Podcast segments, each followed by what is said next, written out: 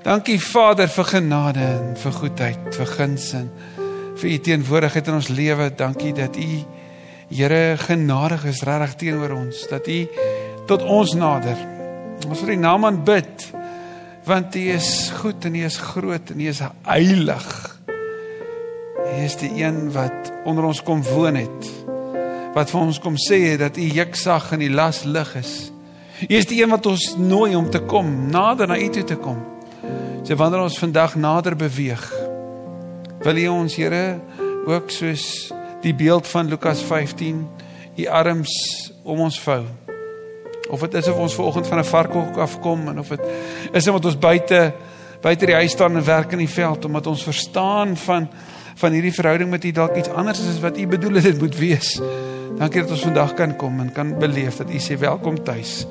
Ons begin, ons einde en alles tussenin gaan oor die verheerliking van U naam. U is die heilige, die gans andere, maar die een wat ook hier in ons midde is. Ons aanbid U in Jesus se naam. Amen. Kom ons staan en dan sing ons saam. Dankie dat ons dit vandag kan sing en kan oordink dat die die heilige God, die groot skepper God sê maar kom nader. Dankie dat U nie wil hê ons moet op afstand van U wees nie. Ons moet nader kom met alles binne in ons. Waar ook al ons is in ons harte vanoggend. Dankie dat U ons nader roep, o Heilige Gees. Ek bid regtig dat dat dit die liefde van God is wat ons aan nader trek, dat U deur die woord ons sal nader trek, nader na U wil nader na wat u vandag ook vir ons wil sê. Ja, met wat u met ons wil doen ook. Want Here, u is die Here. En net u kan doen wat u kan doen. Ons kan dit nie doen nie. Daarom het ons so groot verwagting dat u ook aan die woord sal wees vandag. So groot verwagting om in ons ontmoeting met u getransformeer te word. Al meer na Christus toe gedraai te word. Daarom bid ons dit spreek Here, u kinders is bymekaar en ons luister in Jesus se naam. Amen. Die die tema vir ons nuwe reeks is ek's in. En die bedoeling daarvan is om in die volgende paar weke regtig mekaar uit te daag met 'n met hierdie tema om te sê maar maar as jy sê Here ek sal U volg, wat beteken dit? Karl Adelman sê daar in Amerika hoor hy dat in hulle gemeente is daar iemand wat gesê het hulle hulle wil hulle lidmaatskap kanselleer, hulle wil wegstap. En toe hulle by navraag vra maar wat is die rede vir hoekom jy nie meer in ons gemeente wil wees nie? Toe sê die persoon wat ek hou nie van Karl se preke nie. Karl besluit toe wel, hy wil graag hoor wat is dit van sy preke? Weet, is dit dalk sy inleiding? Is dit dalk wat? Wat is dit?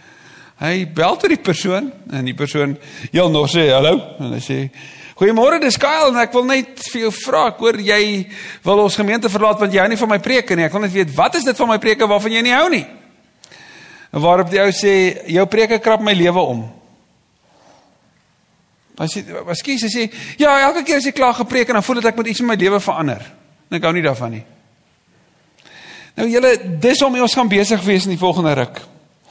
Vir hierdie maand en ja, ons bid natuurlik elke week so, maar ons is hier om mekaar om te krap. Ons is hier om mekaar ongemaklik te maak. Want dis wat ons moet doen as ons al meer soos Jesus sal word. En vir vandag se tema wil ek graag drie beelde met jou gebruik wat ons meer kan begin en dan ook kan deurtrek regdeur. Die eerste is die beeld van die kleinskrif. Het jy al ooit 'n kontrak moes aangaan waar hulle bladsye en bladsye en bladsye vir jou neersit en dan vir jou sê parafeer net daar op die hoek, parafeer net daar op die hoek en dan wel as jy ooit 'n selfoon kontrak aangegaan het, sal jy weet waarvan ek praat, nê? Nee? Want dit is 'n klomp klein skrif en al daai sinnetjies en jy het nou nie die hele liewe dag om alles deur te lees nie. So jy parafeer en parafeer en parafeer en parafeer en op die einde moet jy 'n handtekening maak en dan baie dankie meneer, dan maak hulle vir jou 'n afskrif en dan stuur hulle vir jou met een of ander gekleurde pakkie huis toe. En daar binne is dan natuurlik dit wat jy graag wil hê, naamlik 'n selfoon. En dan in die loop van hierdie tyd bereik jy dalk 'n plek waar jy sê ek wil uit. Ek is nou moeg, ek's nou klaar. Nee, en dan is die antwoord as jy hulle sou bel, meneer het jy die kleinskrif gelees? Nee, maar ek voel nou nie meer lus nie. Ja, meneer het jy die kleinskrif gelees? Of soos in my geval, die laaste ruk uh, in my maand al het een van ons kontrakte sy termyn verstryk.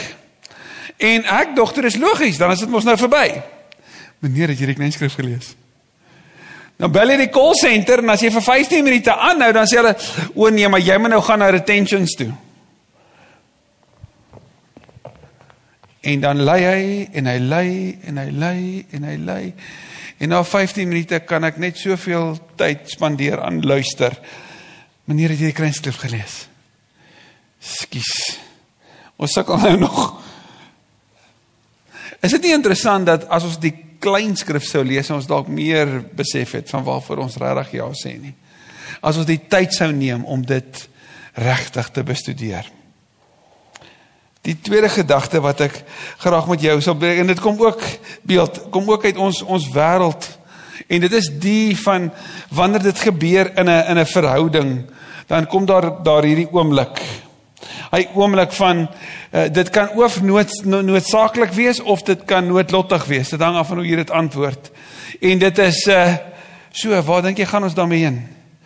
Hoe staan ons in hierdie verhouding? Nee, dis dan nie soos Dien en Nikki wat gister hulle 22 jarige huweliksherdenking gevier het nie. Hulle weet waarheen hulle gaan. Maar as hulle nog gedate het, dan was daar 'n oomblik gewees waar sy dalk van hom gesê het, um, "Excuse me, sir, would you define the relationship?" Nee. DDV definieer die verhouding. Is ons ernstig? Of is hierdie man net 'n uh, stilte van het jy die son gesien?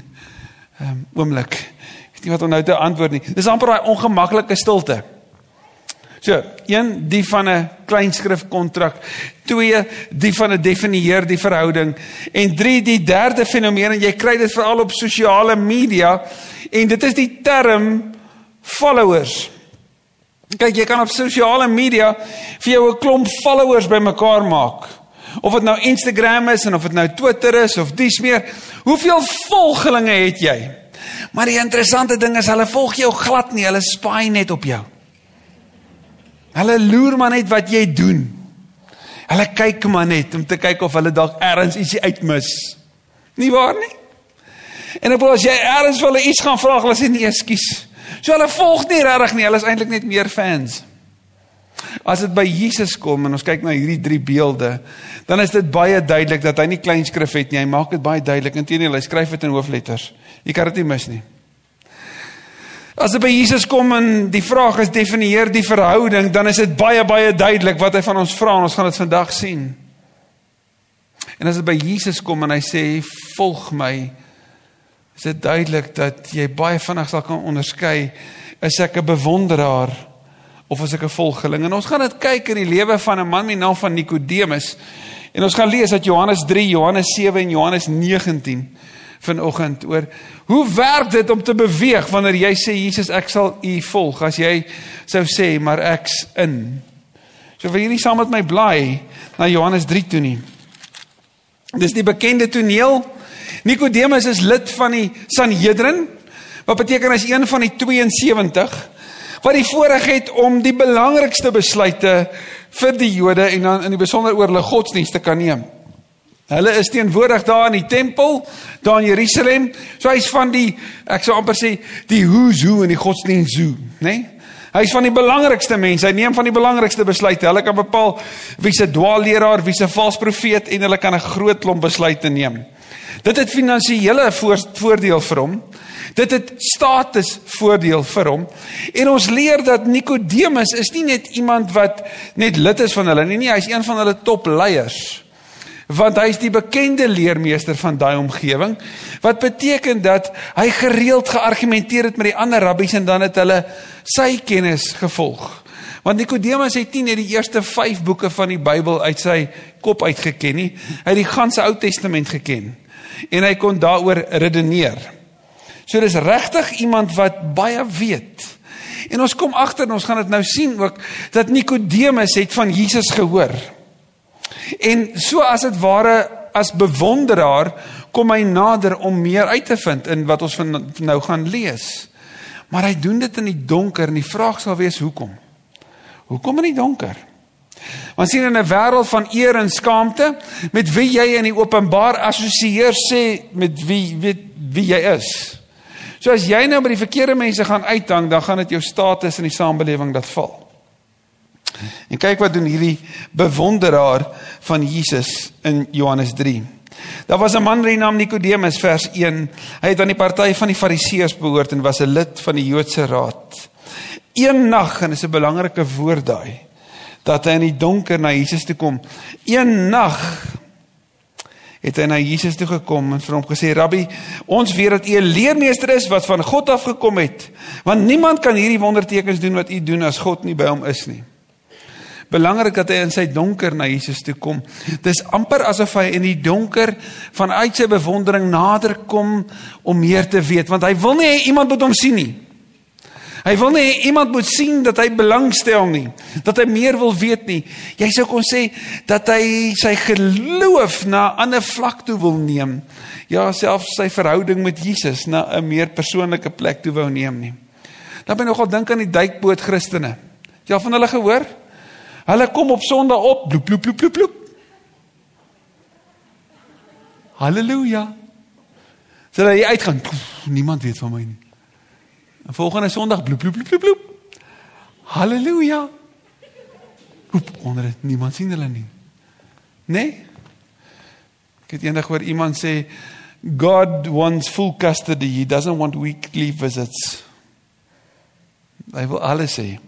So Nikodemus kom en hy kom so die donker bloep bloep bloep bloep. Jesus, ek het 'n paar vrae. Want dit is baie duidelik dat hy van God af kom. So hy ken Jesus as profeet. Want Here, u doen 'n klomp goeders. Né? Nee? Hy sal hom later as Here aanspreek. Maar maar Jesus, u doen al hierdie dinge. Rabbi, Maar hierdie rabbi wat eintlik 'n skrynwerker is van Nasaret, word nie deur die ander geerken nie. Maar daar's iets aan hierdie skrynwerker uit Galilea en Nasaret, die laagste plek. Jy sal hoor Nathanael praat oor oor Nasaret en dan vra hy, kan daar iets goeds kom uit Nasaret? Sodat glad geen ooghare gehad nie. Hier by ons is daar ook sekere gebiede wat jy sou sê as jy daarvan kom, dan dan het mense 'n bepaalde persepsie. Verstaan? En Jesus kom van die verkeerde kant van die dorp, van die verkeerde kant van die land af. En dan sê nog 'n skrynwerker. So hier kom hy na hom toe en dan sê Jesus vir hom Ek bedoel, wat gaan Jesus vir hom nou antwoord, nê? Nee? En dan spreek hy dadelik die uitdaging van Nikodemus aan vir wat voor hom lê. Dit verseker ek jou, as iemand nie opnuut gebore word nie, kan hy die koninkryk van God nie sien nie. Wat sê Jesus vir hom? Nikodemus, as jy my wil volg, gaan iets heeltemal nuuts in jou lewe moet gebeur. En hierdie nuutgebore is so deel van die die lewe van 'n gelowige om nuutgebore te word is om te sê Here kom heers oor my lewe en en kom maak my nie 2 Korintiërs 5 vers 17 sê iemand wat in Christus is is 'n nuwe mens. Die ou is verby die nuwe het gekom. Jy's deel van 'n nuwe familie.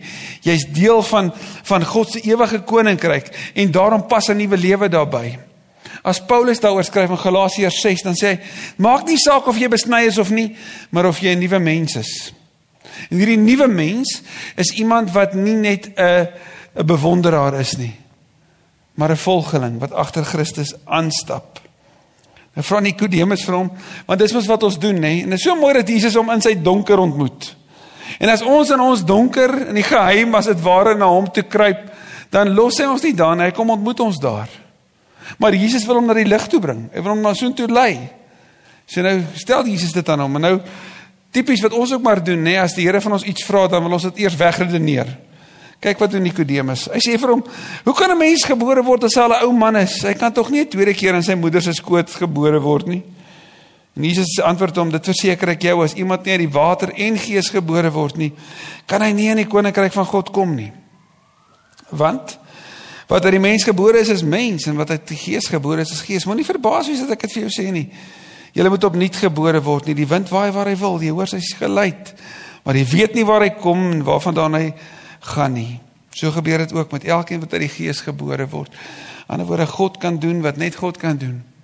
En dan sien jy dat hierdie gesprek word verder gelei na die baie bekende 3 vers 16 wat vir jou en my kom sê dat God se behoefte om ons vir homself te hê om in 'n verhouding met hom te wees, kom alles vanuit sy begeerte omdat hy liefde is. God het sy seun gegee sodat elkeen wat glo nie verlore gaan nie, maar die ewige lewe kan hê. Johannes 17 vers 3 sê vir ons wat daai ewige lewe is.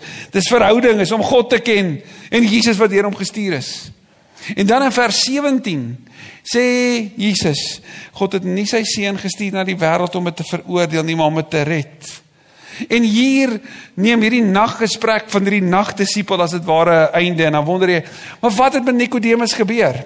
Dis amper so oop einde. Jesus sê vir hom, "Kom, word nuut gebore. Word deel van hierdie koninkryk van God." En en Nikodemus verdwyn so 'n bietjie tot in hoofstuk 7. En as jy saam met my daarin sal blaai.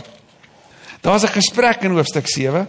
Maar sien intussen het Jesus se volgelinge al meer geword en ja, sy bewonderaars ook. Soveel so dat dit 'n bedreiging ingehou het vir die Jode. Ek wil Jesus het teen hulle gepraat. Hy het teen die stelsel, die godsdiens, die misbruik daarvan gepraat. Hy noem hulle by tye vreeslike woorde om hulle uiteindelik te beledig en uit te daag. En dan gebeur hierdie gesprek en jy gaan dit sien in hoofstuk 7 vanaf vers 45. Daarna het die wagte na die priesterhoofde en die fariseërs toe teruggegaan en die het hulle gevra: "Waarom het julle hom nie gebring nie?" Want hulle wou hê die wagte moet Jesus gaan gevange neem. Die wagte het geantwoord: "Nog nooit het iemand gepraat soos hierdie man nie." Klink nogal soos bewonderaars, nê? Wow! Het julle hom gesien? Het julle hom gehoor? Het julle beleef wat hy preek en wat hy doen? Die fariseërs sê toe vir hulle: "Is julle tog nie ook mislei nie?" Het een van die lede van die Joodse raad miskien in hom geglo of een van die fariseërs? Dis 'n ironiese vraag want onder hulle al is daar 72 van hulle bymekaar, is daar een wat wel op hierdie oomblik geglo het. En jy gaan sien want hier kom 'n oomblik in Nikodemus se lewe wat hy nie meer kan wegkruip nie. Hy kan nie meer in die donker beweeg nie. Hy kan nie meer privaat geloof beoefen nie. Sy geloof is bedoel vir die openbaar soos joune en myne ook. Dit sou hom baie kos soos vir jou en my ook. Nee, sê sê hierdie fariseërs. Dit is net hierdie vervloekte klomp mense wat nie ons wet ken nie. En dan Nikodemus wat voorheen na Jesus toe gekom het en wat een van hulle was, sê toe vir hulle: "Volgens ons wet kan ons mos nie sommer iemand veroordeel sonder om eers sy kant van die saak te hoor en vas te stel wat hy doen nie. En onmiddellik is daar stilte. Ek bedoel hy vat hulle aan, al 71 van hulle. Hy wys hulle op hulle wet. So hy's eintlik besig om vir Jesus op te staan in die openbaar. Hy trek 'n lyn in die sand en hy sê hier staan ek. Hulle sê toe vir hom: "Jy kom tog ook in nie van Galilea af nie?" Ondersoek die skrif en jy sal sien dat God niemand uit Galilea wat uit Galilea kom as profeet roep nie. So hulle sê is jy so stupid? As jy Jesus volg, gaan ons jou behandel soos 'n Galileer. Ons gaan neerkyk op jou. Jy gaan nie meer deel wees van ons groepie nie. Ons gaan jou nie erken nie. So jy gaan ons as jou groep verloor. Jy gaan jou werk hier op die Joodse Raad verloor. Die mense gaan jou beledig. Jy gaan alles wat bekend was en wat vir jou voorheen status gegee het, jy gaan dit alles verloor. En die vraag is Nikodemus, wat gaan jy doen? Wat gaan jy doen? Want Nikodemus het nou vanaf privaat geloof na openbare geloof toe beweeg. Maar maar dis nog nie al nie. Daar's 'n derde oomblik in Nikodemus se lewe. En ja, dis 12 hoofstukke later, maar van die belangrikste. Ek wil graag saam met jou kyk na Johannes 19.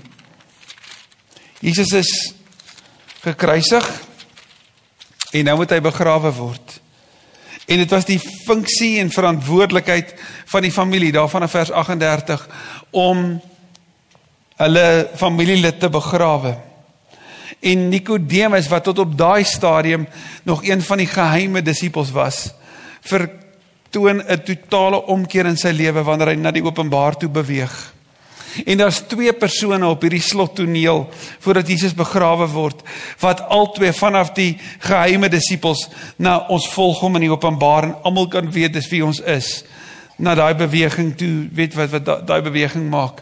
En albei van hulle is brood nodig want sonder hulle sou Jesus se liggaam nie gebalsam geword het nie en sou dit nie 'n graf gehad het nie.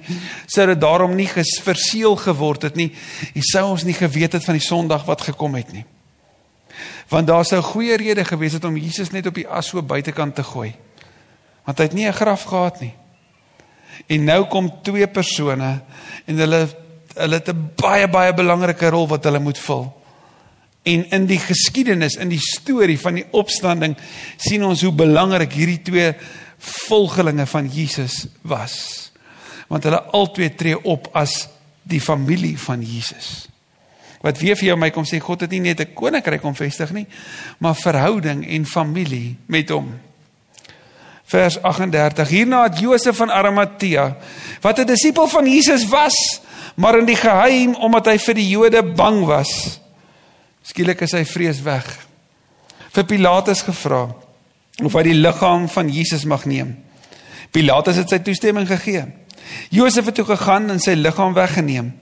Nikodemus wat 'n keer in die nag na Jesus toe gekom het en 'n mengsel van omtrent 50 liter het hy gebring.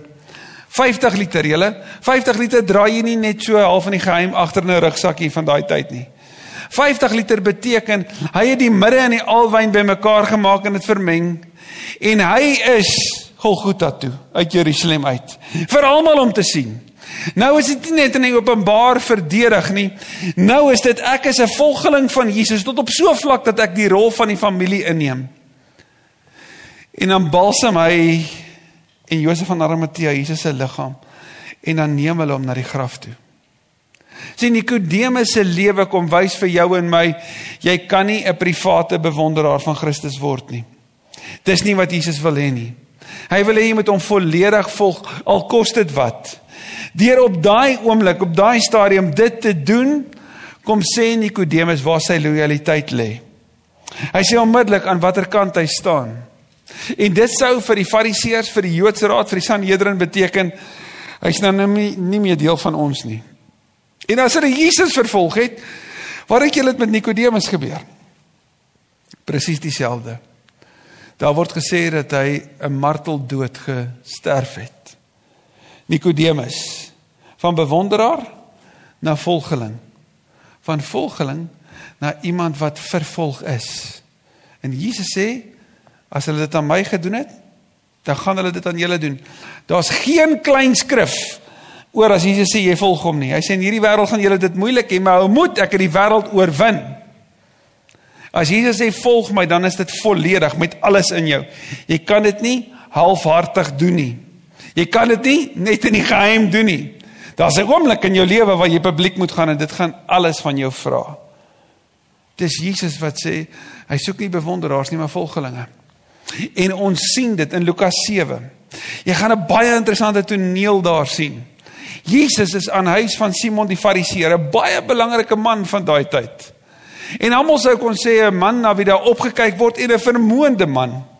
Nou doen hy 'n daad in die openbaar. Hy nooi die prediker van die dag. Jy sou amper kon sê Jesus was die geer van die oomblik. So om hom daar te hê sou beteken Simon kon sê wel ek het hom gereël. Nou julle wat gebeur het in die Bybelse tyd as jy 'n gas was wat genooi was en jy sou die die die ruimte betree van die gasheer dan sou hy eerstens jou op die hand soen as 'n teken van respek en eer. Hy sou olie neem en dit oor jou hare vryf en en dat jou jou jou hare sal dus geolie wees om te sê dis respek en is eer en jy is die die een op wie die fokus moet wees. En hy sou sorg dat iemand jou voete was en indien dit regtig 'n daad van eerbetoning sou wees sou hy dit self doen. Daai stofvoete van jou wat op die stofstrate gestap het. Wanneer Jesus daar aankom, is al wat hy kry is daar's plek vir jou gaan sit daar of gaan lê daar op jou op jou elmboog. Hy kry geen van daai eer nie. So Jesus word beledig, beledig en weer eens beledig deur hierdie godsdienstige man. En dan wanneer almal daar in die sirkel lê en besig is om te eet, dan is daar skielik 'n 'n stilte. Want sien hier uit die hoek uit kom 'n vrou met los hare. Jy het nie los hare gedra nie tensy jy iemand van die straat was. Want om jou hare vas te maak was om eervol te wees. Maar haar hale is los en om haar nek is daar 'n houertjie met nardesolie in. Bietjie parfuumpies wat sy gebruik het om lekker te ruik. As jy 'n vrou van die straat was, 'n lady of the night was, dan dan kan jy verstaan hoekom daai parfuum belangrik was, die nardesolie. En sy kom ingestorm deur die binnehof heen en tussen almal deur. Sy gee nie om wie haar raak sien nie.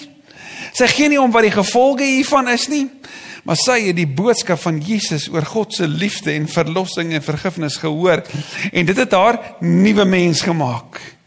En vanuit haar dankbaarheid en haar totale nuut word in die belewenis van hoe geliefd sy vir die Here is, kom sy daarin en daar by sy vuil voete gaan huil sy. En nie net dit nie, sy soen sy voete en sy huil oor hom en sy vat haar loshare. Dit wat vir haar skaamte moes bring. En sy droog sy voete af en sy vat haar olie, dit wat vir haar lekker laat ruik en sy gee dit vir hom. Dit wat sy het, gee sy op. Net daar. En wat doen Jesus met hierdie openbare beskrywing, openbare belewenis van totale toewyding van 'n nuwe lewe. Hy sê Simon, kom ek wys gou-gou vir jou hoe lyk ware toewyding voor God. Nie dit wat jy doen nie, want wat jy gedoen het was om my te beledig. Simon, dis hoe dit lyk. Iemand wat ontdek ek is vergewe. Ek is nuut gemaak. Ek is my my ou lewe is verby, die nuwe het gekom. Dit wat voorheen vir my belangrik was, is verby. Ek al wat ek wens is om Jesus te ken en om letterlik by sy voete te wees. En dan is daar 'n derde derde voorbeeld en daar's talle. Ek ons kan daar soveel gaan kyk na mense wat besef het maar Jesus soek nie bewonderaars nie, hy soek volgelinge en dit gaan alles van jou vra. Maar in Handelinge 9 is daar hierdie man met naam Saulus. Ek bedoel, hy was so belangrik in daardie tyd. Almal het van hom geweet.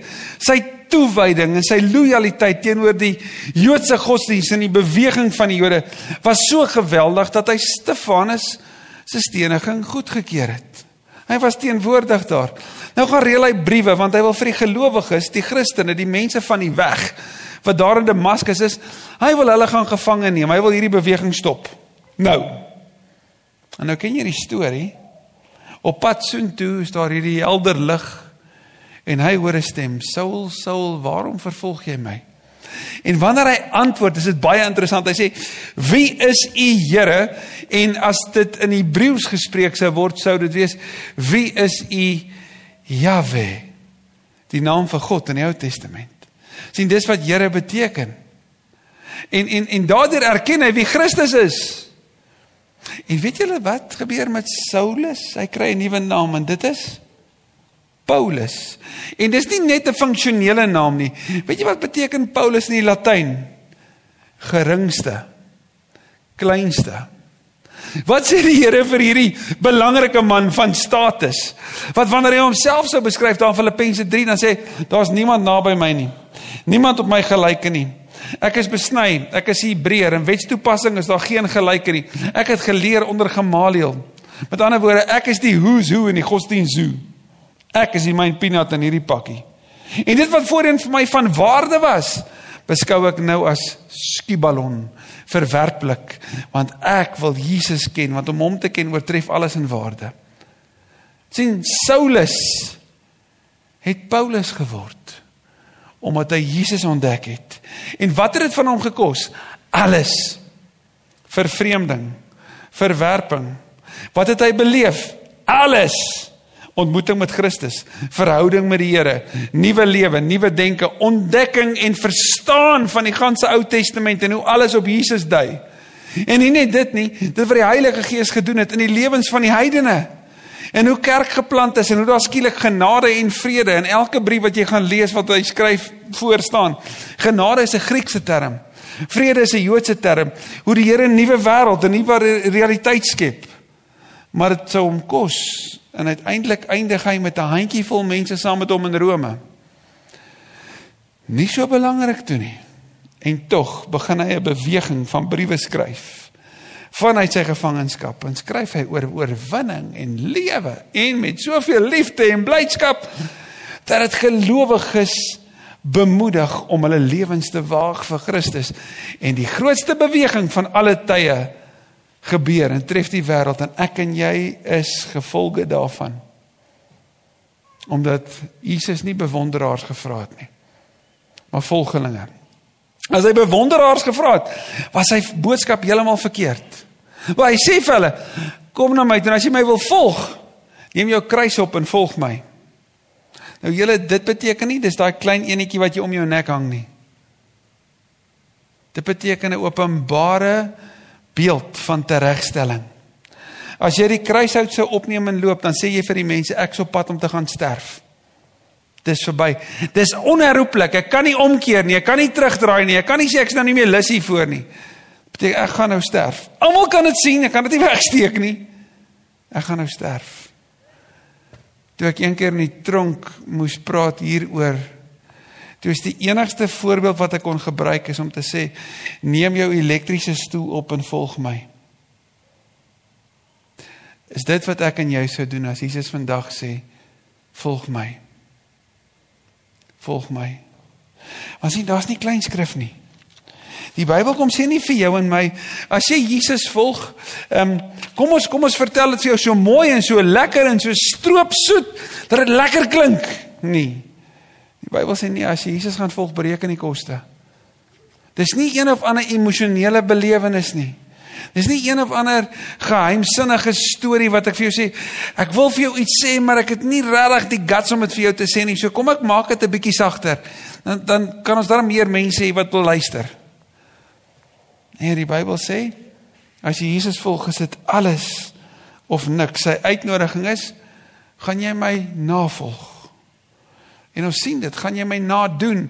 En wanneer die gelowiges dit doen, dan sien ons dan Handelinge 11 word in Antiochië Christene genoem want hulle leef soos Christus. Maar as 'n waarskuwing. Die waarskuwing is dat ek en jy kan dink, goed, so ek moet nou 'n klomp goeders doen. As ek meer hiervan en minder hiervan en daai dit en daai dat en ek weet ek's nou nie meer 'n duikboot nie, almal kan weet ek is dat ons dit alles doen uit die verkeerde redes. En die verkeerde rede kan wees ek wil net seker maak ek gaan hemel toe. Ek is eintlik bang vir die hel. So ek wil liewer kies vir Jesus sodat ek nie hoef hel toe te gaan nie. OK, so as ek nie hoef hel toe te gaan nie, wat wat is die basiese minimum wat ek hoef te doen? Sê net net dit vir my. Daar is nie so iets nie. Trouwens, as die Here vir die gemeente in Efese skryf, daar in Openbaring 2, sommer vroeg vroeg in vers 4 Hoor jy, daar word oor hierdie gemeente die wonderlikste goed gesê. Daar word gesê hulle doen great. Hulle hulle lees die skrif. Hulle kyk na almal wat preek en hulle maak seker dat die mense die waarheid praat. Hulle gee om vir ander. Hulle reik uit. Hulle doen al hierdie great goed dan sê die Here. Maar ek het dit teen julle. Julle het my nie so lief soos aan die begin nie. So wat is die motivering vir hoekom ons doen wat ons doen? Omdat ons die Here liefhet. Nie omdat daar iets in is vir my nie. Hoekom doen mense in verhouding goed vir mekaar? Nie om iets uit dit uit te kry nie, maar omdat hulle regtig lief is vir mekaar.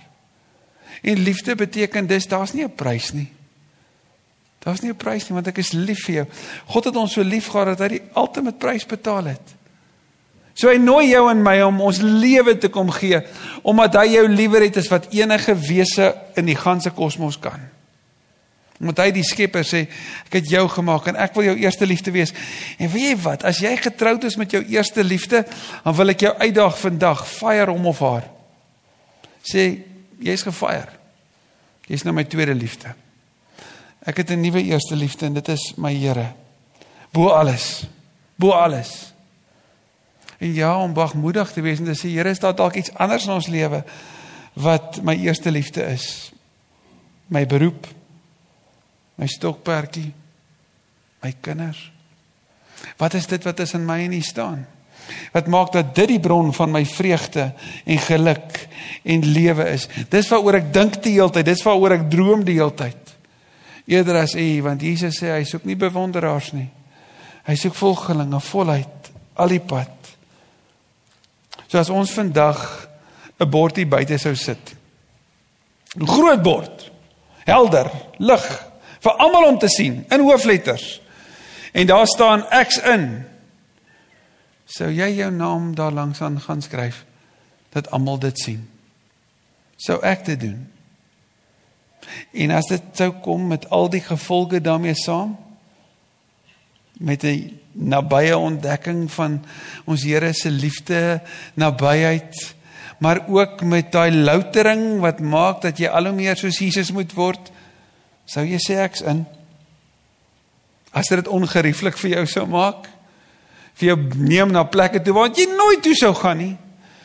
Maar waantoe jy gaan omdat jy hom volg en omdat dit nie oor jou gaan nie, maar oor dit waarmee jy besig is en nou pas jy jou lewe in by hom. Sou jy sê en sou ek sê ek's in. Want Jesus soek nie fans nie. Hy soek followers. Hy soek nie bewonderaars nie, hy soek volgelinge. En ons sien in Johannes 2 wanneer die disippels hom begin volg en agter hom aanstap. Hulle los alles. Hulle het nog niks uitgefigure nie. Hulle stap net agter hom aan. Dan neem hy hulle na 'n bruilof toe. Hulle saam met hom daar. Hy verander water in wyn. En daar sien ons het die disippels tot geloof in hom gekom. En hulle het nog steeds nie verstaan nie. Hulle het nog steeds glad nie alles verstaan tot na die opstanding nie. So ek en jy gaan nie alles altyd uitgefigure kry nie. Maar wat hy sê is vertrou my en volg my. Kan ek en jy vandag sê ek's in. Kom ons sluit die oë en dan is daar geleentheid vir jou om in stilte te antwoord wat die Here vir jou sê.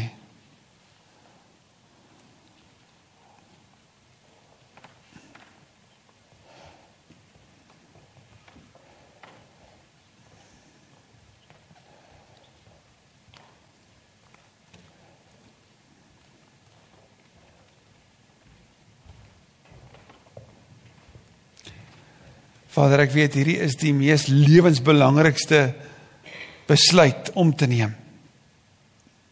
Dit is lewensbelangrik want dit dit bepaal alles, dit verander alles. Maar Here, hoe kan ons anders? Hoe kan ons anders as om te sê ek's in? Nie omdat ons in ons eie vermoë vertroue het nie. Nie omdat ons dink ons verstaan alles en ons het dit nie inteendeel. Ons is so bewus van ons eie swakheid. Maar Here, dis u liefde wat vanoggend sê kom. Kom. Kom nou almal nader en dat u dit ook nou vir ons sê, kom nader. Kom nader met jou vrees. Met jou onsekerheid oor die toekoms. Met jou beheptheid met beheer. Met jou skaamte oor van jou gewoontes. Kom nader. Dat ek jou nuut maak. Dat ek jou gesond maak dat ek vir jou ware hoop gee wat nie gesetel is in hierdie aarde en sy verleidelikheid nie, maar ware hoop. Dat ek jou bind aan 'n ware familie, ewige familie. Dat ek jou bind aan 'n roeping, my roeping vir my kerk om te deel in my werk, my herstelwerk, my nuutskepingswerk, my uitstuurwerk met die boodskap na die ganse wêreld toe. Kom deel daarin. Here as daar iemand is wat wat dalk vir die eerste keer of dalk vir die hoeveelste keer sê Here maar ek's in. Dankie dat U genadiglik dit aanhoor. En ek bid vir waagmoed. Ek bid vir volharding. Ek ek bid Here vir vir 'n fokus op U en vir 'n baie intieme verhouding met U vir 'n nuwe lewe. Ek bid vir moed vir die van ons wat hier sit en sê ek het regtig al so nader aan die Here gekom omdat ek voluit in is bid ek Here vir 'n nog nader trek en nog dieper verstaan vir daai woorde soos Paulus sou sê die liefde van Christus dring ons dat dit regtig 'n dieper dring na beweging nader na U en daarom nader na ander sal wees. Dankie dat U ons genadiglik aanhoor Dankie dat ons kan weet dat U sê jy moet die Here jou God lief hê bo alles en die naaste soos jouself. As ons dus bewe en sê Here, ek's in. Dankie dat U dit ook vandag hoor. En ons eer U daarvoor in Jesus se naam. Amen.